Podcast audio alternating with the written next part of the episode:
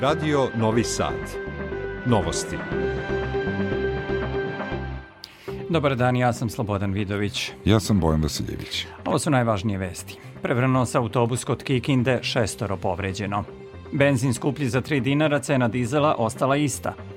U jubilarnom izdanju Naledove sive knjige 18 novih preporuka vladi za poboljšanje privrednog ambijenta. Dodeljeni ugovori o finansiranju zajedničkih istraživačkih projekata naučno-istraživačkih organizacija u Vojvodini i Republici Srpskoj. Zdravstvene ustanove su prvi partner kada se nasilje nad ženama prepozna, poruka je skupa posvećenog partnerskom nasilju. Iz sporta, vaterpolisti Srbije protiv Grčke u kvalifikacijama za svetski kup. Sutra hladnije sa kišom, kažu meteorolozi, temperatura do 12, sada je u Novom Sadu 15. Šest osoba je lakše povređeno kada je autobus koji je saobraćao između Kikinde i Iđeša sleteo sa kolovoza i prevrnuo se. U autobusu je bilo 17 putnika.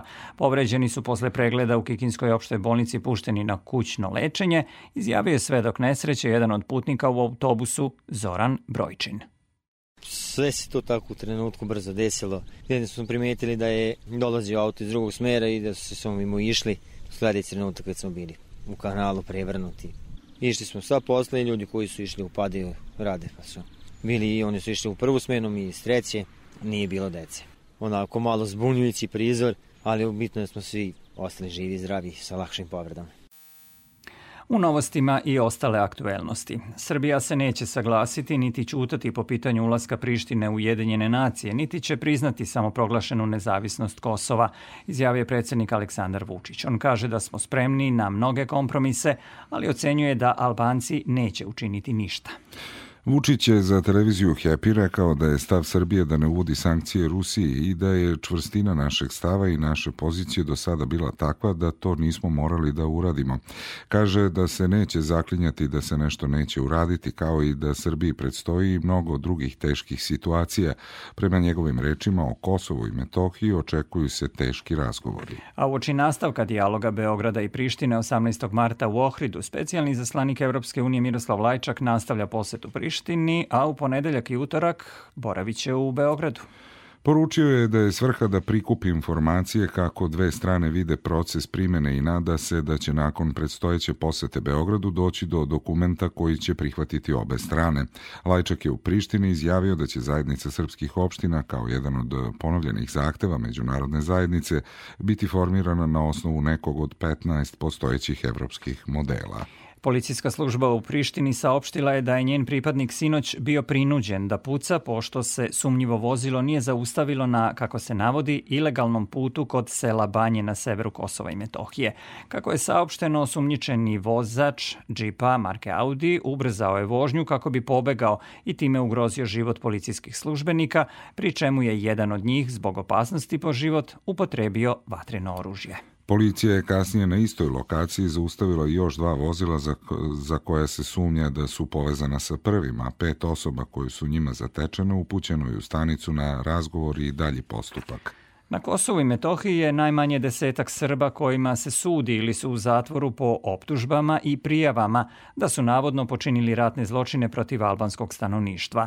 Najnoviji slučaj hapšenja Srba dogodio se pre nekoliko dana na punktu Bela zemlja kod Kosovske kamenice, kada je uhapšen Zlatan Arsić, pripadnik Kosovske policije. Advokat Nebojša Vlajić rekao je za RTS da je u poslednjih nedelju dve pojačan intenzitet hapšenja Srba po osnovu ratnih zločina, što, kako kaže, predstavlja nesigurnost i ljudi su sa pravom zabrinuti.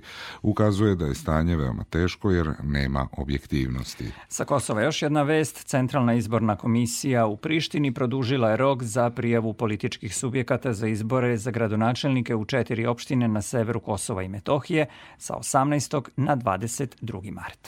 Rok je produžen istog dana kada je Srpska lista saopštila da neće učestvovati na izborima jer nisu ispunjeni uslovi zbog kojih su Srbi u novembru prošle godine napustili prištinske institucije. Lokalni izbori u četiri većinske srpske opštine zakazani su za 23. april. Objavljene su nove cene goriva koje će važiti narednih 7 dana. Benzin je skuplji za 3 dinara u odnosu na ovu sedmicu i koštaće 177 dinara za litar, dok je cena dizela ostala ista. Nove cene se objavljuju svakog petka do 15 časova.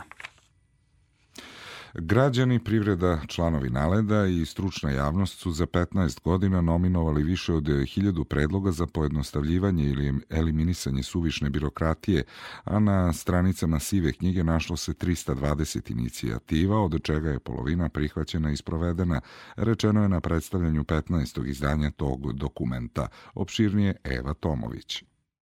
Sistemske reforme kao što su e-fakture i digitalna fiskalizacija, uvođenje elektronskih građevinskih dozvola, ali i ukidanje birokratskih procedura koje su gušile privredu, neke su od inicijativa iz prethodnih sivi knjiga koje su zaživele u praksi. U 15. jubilarnom izdanju Sive knjige je 18 novih preporuka, rekao je predsjednik izvršnog odbora Naleda Dejan Đokić. Među prioritetnim preporukama za budućnost ostaje reforma parafiskala, proširenje zakona o sezonskom zapošljavanju, uspostavljanje funkcionalne platforme Agrar za dodele subvencije u poljoprivredi, ukidanje naknade za konverziju i digitalizaciju postupaka legalizacije. Čestitajući naledu jubilej, premijerka Ana Brnabić je istakla da će ove godine biti sprovedena veoma velika i važna reforma za Srbiju, a to je digitalizacija zdravstva i uvođenje e-kartona, da će biti rešen problem konverzije i legalizacije, kao i da je pri kraju uvođenje e-agrara. Želim da čestitam naledu jubilej, 15 godina sive knjige, zaista velika stvar, veliko, važno i teško putovanje koje je omogućilo svim vladama u prethodnih 15 godina da Srbiju menjaju na bolje. Iako je čak trećina reformi sive knjige sprovedena u resoru Ministarstva financija, prema rečima ministra Siniše Malog, kome je uručeno priznanje za reformatora godine, posla još ima. Srbija mora da nastavi sa reformama. Mi ćemo u narednom periodu da završimo uvođenje i sistema e-akciza i sistema e-otpremnica, dakle veoma važan deo fiskalne politike i fiskalnog sistema kako bismo digitalizovali celokupan sistem naplate raznih poreskih oblika. Šef delegacije Evropske komisije u Srbiji, Emanuel Giofre, istakao je da Srbija treba da radi na poboljšanju nezavisnosti i vladavini prava, primeni zakona i borbi protiv korupcije. Kazao je da Unija nastavlja da ulaže u našu zemlju i poručio da je investiranje u Srbiju investiranje u budućnost Evropske unije. Olakšice za struju i gas u proseku je ranije koristilo oko 68.000 najsiromašnijih građana. Nakon donošenja nove uredbe o energetski ugroženom kupcu očekuje se da će taj broj biti utrostručen, jer je olakšana procedura, uključeno je i daljinsko grejanje i proširena lista onih koji mogu da ostvare povlastice. U januaru je te povlastice dobilo tek 55.000 najugroženijih građana. Ministar rudarstva i energetike Dubravka Đedović kaže da je za tu namenu za ovu godinu izdvojeno 4 milijarde dinara i apelovala je na lokalne samouprave da pomognu ljudima da ostvare svoje pravo na taj status. Odbor izvršnih direktora Svetske banke odobrio je prvi programski razvojni zajam za zelenu tranziciju, čime je obezbeđeno skoro 150 miliona evra za unapređenje institucija javnog sektora u Srbiji. To je prvi od dva kredita kojima se pruža podrška reformama javne politike i institucija kako bi se fiskalno upravljanje bolje uskladilo sa zelenom agendom i to povećanjem transparentnosti potrošnje novca iz budžeta za realizaciju klimatskih aktivnosti i zaštitu životne sredine. U saopštenju Kancelarija Svetske banke u Beogradu navodi da je vlada Srbije načinila veliki korak napred na putu ka pretvaranju zelene tranzicije u stvarnost, a da je ova podrška njenom budžetu usmerena na jačanje tih napora. Cilj kredita je da se ubrza tranzicija ka čistoj energiji putem reformi tržišta energenata kako bi se osigurala održivost elektroprivrede Srbije i omogućilo brže uvođenje obnovljivih izvora energije, ali istovremeno i zaštitili energetski ugroženi kupci. Pokrajinski sekretar za visoko obrazovanje i naučno-istraživačku delatnost Zoran Milošević dodelio je ugovore o finansiranju zajedničkih istraživačkih projekata naučno-istraživačkih organizacija, čiji je osnivač autonomna pokrajina Vojvodina u saradnji sa naučno-istraživačkim organizacijama iz Republike Srpske. Bili su prisutni rektori univerziteta u Novom Sadu, Istočnom Sarajevu i Banja Luci, kao i ministar za naučno-tehnološki razvoj, visoko obrazovanje i informacijono društvo u vladi Republike Srpske Željko Budimir. Evo šta su tom prilikom izjavili Milošević i Budimir.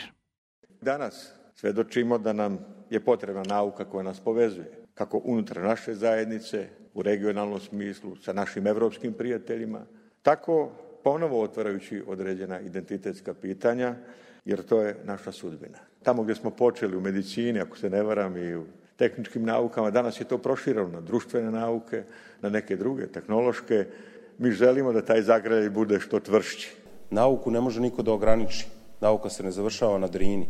Ali ako naša nauka bude stalno prelazila Drinu, ali ne samo tako što studenti iz Republike Srpske odlaze na univerzitet u Beogradu, Novom Sadu, Kraljevu, Nišu ili, ili negde drugdje, Republika Srpska ima šansu. Eight. Xi Jinping je kao jedini kandidat dobio i treći petogodišnji predsjednički mandat na sednici kineskog parlamenta, na koje je dodatno pooštrio kontrolu, dok se Kina suočava sa sve većim izazovima kod kuće i u svetu. Xi Jinping produžava svoju već desetogodišnju vlast usled sve većih tenzija u odnosima sa Vašingtonom i Zapadom u vezi sa Tajvanom, Rusijom, trgovinom i ljudskim pravima, navodi Reuters. Komentarišući situaciju u Kini, Nenad Stekić iz Instituta za političku i politiku i privredu za Radio Novi Sad objašnjava da će na uspeh te zemlje uticati međunarodni faktori, ali i najavljene promene u samoj Kini. Kina sada izlazi iz politike nulte tolerancije to bi potencijalno moglo da poveća target od skromnih 5%, ali takođe će na taj uspeh uticati i brojni međunarodni činioci. Verujem da su to definitivno sankcije u sferi visokih tehnologija koje dolaze od Sjedinjenih američkih država, zatim moguće narušavanje sigurnosti lanaca snabdevanja i brojne druge promenljive.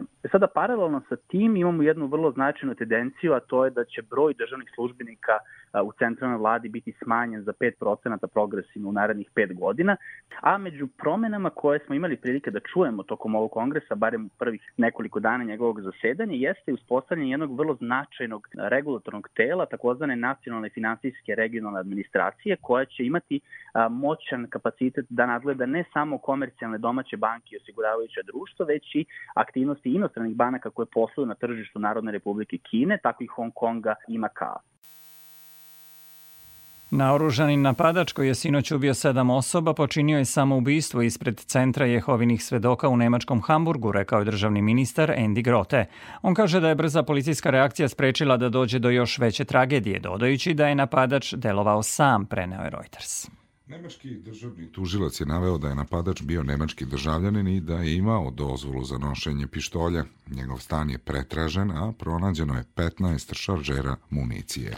Demonstranti u gruzijskoj prestonici Tbilisiju, koji su prethodnih dana protestovali protiv donošenja takozvanog zakona o stranim agentima, zatražili su ostavku vlade i održavanje vanrednih parlamentarnih izbora. Iako su gruzijske vlasti odlučile da povuku sporni akt, demonstranti nisu napustili prostor ispred zgrade parlamenta te zemlje, proslavljajući odluku i zahtevajući izbore. Zakonom je bilo predviđeno da organizacije koje dobijaju više od 20% novca iz inostranstva budu registrovane kao strani agenti. Još jedna vest iz sveta, Oluja Larisa napravila je velike probleme u Velikoj Britaniji, mnogi vozači ostali su zaglavljeni na autoputevima, a većina aerodroma je zatvorena. Najviše su ugroženi Yorkshire i Severni Wales, a više oborenih stabala blokiralo je puteve između Manchestera i Sheffielda, što je uticalo i na železnički saobraćaj. Bez električne energije ostalo je oko 2000 građana, a škole širom Britanije zatvorene su zbog hladnoće. Meteorološka služba saopštila je da se najgore vreme očekuje u severozapadnom Velsu i severnoj Engleskoj, gde su naleti vetra oko 80 km na sat. Ovo su novosti prvog programa radija Radio Televizije Vojvodine. Zaštitnik građana Zoran Pašalić saopštio je da su utvrđeni propusti u radu nadležnih organa, pre svih Centra za socijalni rad Vršac, jer dvogodišnje dete koje je otac udavio u svom stanu nisu tretirali kao žrtvu nasilja u porodici, na što su bili obavezni prema nalogu Ministarstva za rad, zapošljavanje, boračka i socijalna pitanja. Zaštitnik građana traži izmene zakona o sprečavanju nasilja u porodici kojim bi bilo propisano da je dete žrtva nasilja uvek kada prisustuje porodičnom nasilju nad članom porodice ili bliskom osobom. Takođe traži od MUPA i Ministarstva za brigu o porodici i demografiju da u saradnji sa pokrajinskim sekretarijatom obezbede stalne edukacije zaposlenih koji postupaju u slučajevima nasilja. A zdravstvene ustanove su prvi partner kada se nasilje nad ženama prepozna, poruka je skupa održanog u Novom Sadu. Organizator skupa o ulozi zdravstvenih ustanova u zaštiti žena od nasilja u porodici i partnerskim odnosima je Kancelarija pokrajinskog ombudsmana, izveštava Jasmina Dabić. Pokrajinski ombudsman je koordinator mreže Život bez nasilja od 2005. godine, a zdravstvene ustanove su prvi partner kada se nasilje prepozna, kaže Dragana Ćorić. Povećanje prepoznatih slučajeva govori da konačno počinje da se prijavljuje nasilje, kao i da to više nije samo slučaj u urbanim sredinama. Žene u ruralnim sredinama su možda više struko deprivirane i više struko negde i zastrašene da prijavljaju takvu vrstu nasilja. Nadam se da ćemo nakon ovog dana biti mnogo pametniji i da ćemo biti mnogo još efikasniji u sprečavanju, prevenciji i u daljoj reparaciji posledica koje nastaju usled nasilja u partnerskim odnosima. Kada se nasilje dogodi, prva linija pomoći žrtvama su zdravstvene ustanove poput Urgentnog centra Kliničkog centra Vojvodine, napominje direktor te zdravstvene ustanove dr. Dragana Nikolić, podsjećajući na to da su medicinski izveštaji važan dokaz u sudskom postupku. Naravno da svo osoblje je obučeno prvo da razume, da pruži pomoć, da preuzme odgovornost za lečenje takvog pacijenta, da inicira dalji tretman e, nekih drugih institucija vezano za zbrinjavanje ovakvih specifičnih pacijenata. Onima koje su preživele zlostavljanje najteže je da učine taj prvi korak i progovore o onome što im se desilo. Zato bi dobro bilo da sve usluge koje im trebaju dobiju na jednom mestu. Iako je to bila prvobitna ideja Centra za žrtve seksualnog nasilja, ni šest godina od osnivanja ona nije ostvarena, kaže Ljiljana Miladinović-Segedi. Idealimično naša ta ideja je ostvarena, ali ne u potpunosti. Znači ono što e, smo uspostavili jako dobru saradnju i sa policijom i sa tužilaštvom, tako da u situaciji kada žrtva dođe kod nas u centar, bez da se prethodno javila policiji, znači mi pozivamo inspektore koji dolaze kod nas e, u centar, obavljaju razgovor sa žrtvom i onda uh, informišu dežurnog tužioca, pa onda po dobijanju naloga tužioca mi pristupamo veštačenju. Centru za žrtve seksualnog nasilja godišnje se obrati 20 žena, uglavnom neposredno nakon nasilja. Osim njima, svaka vrsta nasilja se može prijaviti policiji, lekaru i na SOS telefone ženskih organizacija. Ovo su novosti Radio Novog Sada. Nagrada Sava Šumanović za savremenu likovnu umetnost dodeljena je novosadskoj umetnici Katalin Ladik za bogatu umetničku biografiju dugu šest decenija. Pojedinosti Aleksandra Rajić. Umetnička biografija Katalin Ladik, započeta 60. godina u Novom Sadu, usmerila je njen autorski izraz ka pionirskim radovima u konceptualnoj umetnosti, neoavangardi, fonetskoj poeziji, u performansu ka ženskom umetničkom izrazu, telu i erosu. Prošle godine bila je u fokusu u programima Evropske prestonice kulture, a nedavno je priredila veliku retrospektivnu izložbu u Haus der Kunst u Minhenu. Katalin Ladik zahvalila se na nagradi ovim rečima. Ja sam čitavak svog dugog života inspirisana ovim područjem, ovim multietničkim, multikulturalnom sredinom i crpim svoju snagu evo u tom mom dugom životu iz ovih korena. Bez obzira kud sam ja već odletala i, i po svetu i ti moji koreni me još uvek i dan danas inspirišu i ne vidim kraja toj inspiraciji. U holu Master centra Novosadskog sajma izložbom dosadašnjih laureata obeležena je 25. godišnjica nagrade Sava Šumanović. Među dosadašnjim dobitnicima su najveća imena naše savremene umetnosti od prvog Dragomira Ugrena, pa potom Miodraga B. Protića, Vlade Veličkovića, Čedomira Vasića, Olge Jevrić i mnogih drugih.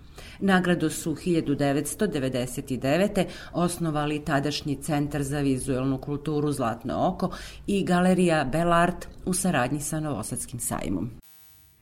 Poznati pozorišni filmski i televizijski glumac Tanasije Uzunović preminuo je u 81. godini u Beogradu. Rođen je u Nišu 1942. godine, a Akademiju za pozorište, film i televiziju završio je u Beogradu u klasi Ljeljene Krstić, Osim u pozorištu, igrao je u više od 50 filmova i televizijskih drama, dobitnik je Sterijine nagrade i Oktobarske nagrade grada Beograda.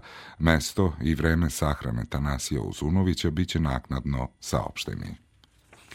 U novostima i informacije iz sporta. Waterpolo reprezentacija Srbije u Podgorici od 19.30 igra protiv Grčke, drugi meč kvalifikacije za svetski kup.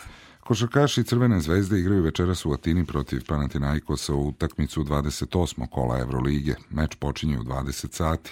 U 25. kolu Košarkaške lige Srbije u Novom Sadu od 20 časova u Vojvođanskom derbiju sastaju se Vojvodina Spartak. U 20. kolu Super lige Srbije za odbojkaše od 19 sati biće odigrane tri utakmice.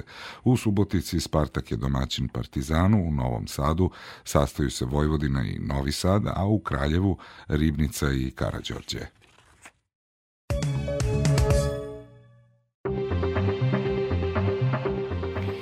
Petak je 10. mart, još jednom najvažnije vesti do ovog trenutka. Prevrnuo se autobus kod Kikinde šestoro povređeno. Benzin skuplji za 3 dinara, cena dizela ostala ista. U jubilarnom izdanju naledove sive knjige 18 novih preporuka vladi za poboljšanje privrednog ambijenta.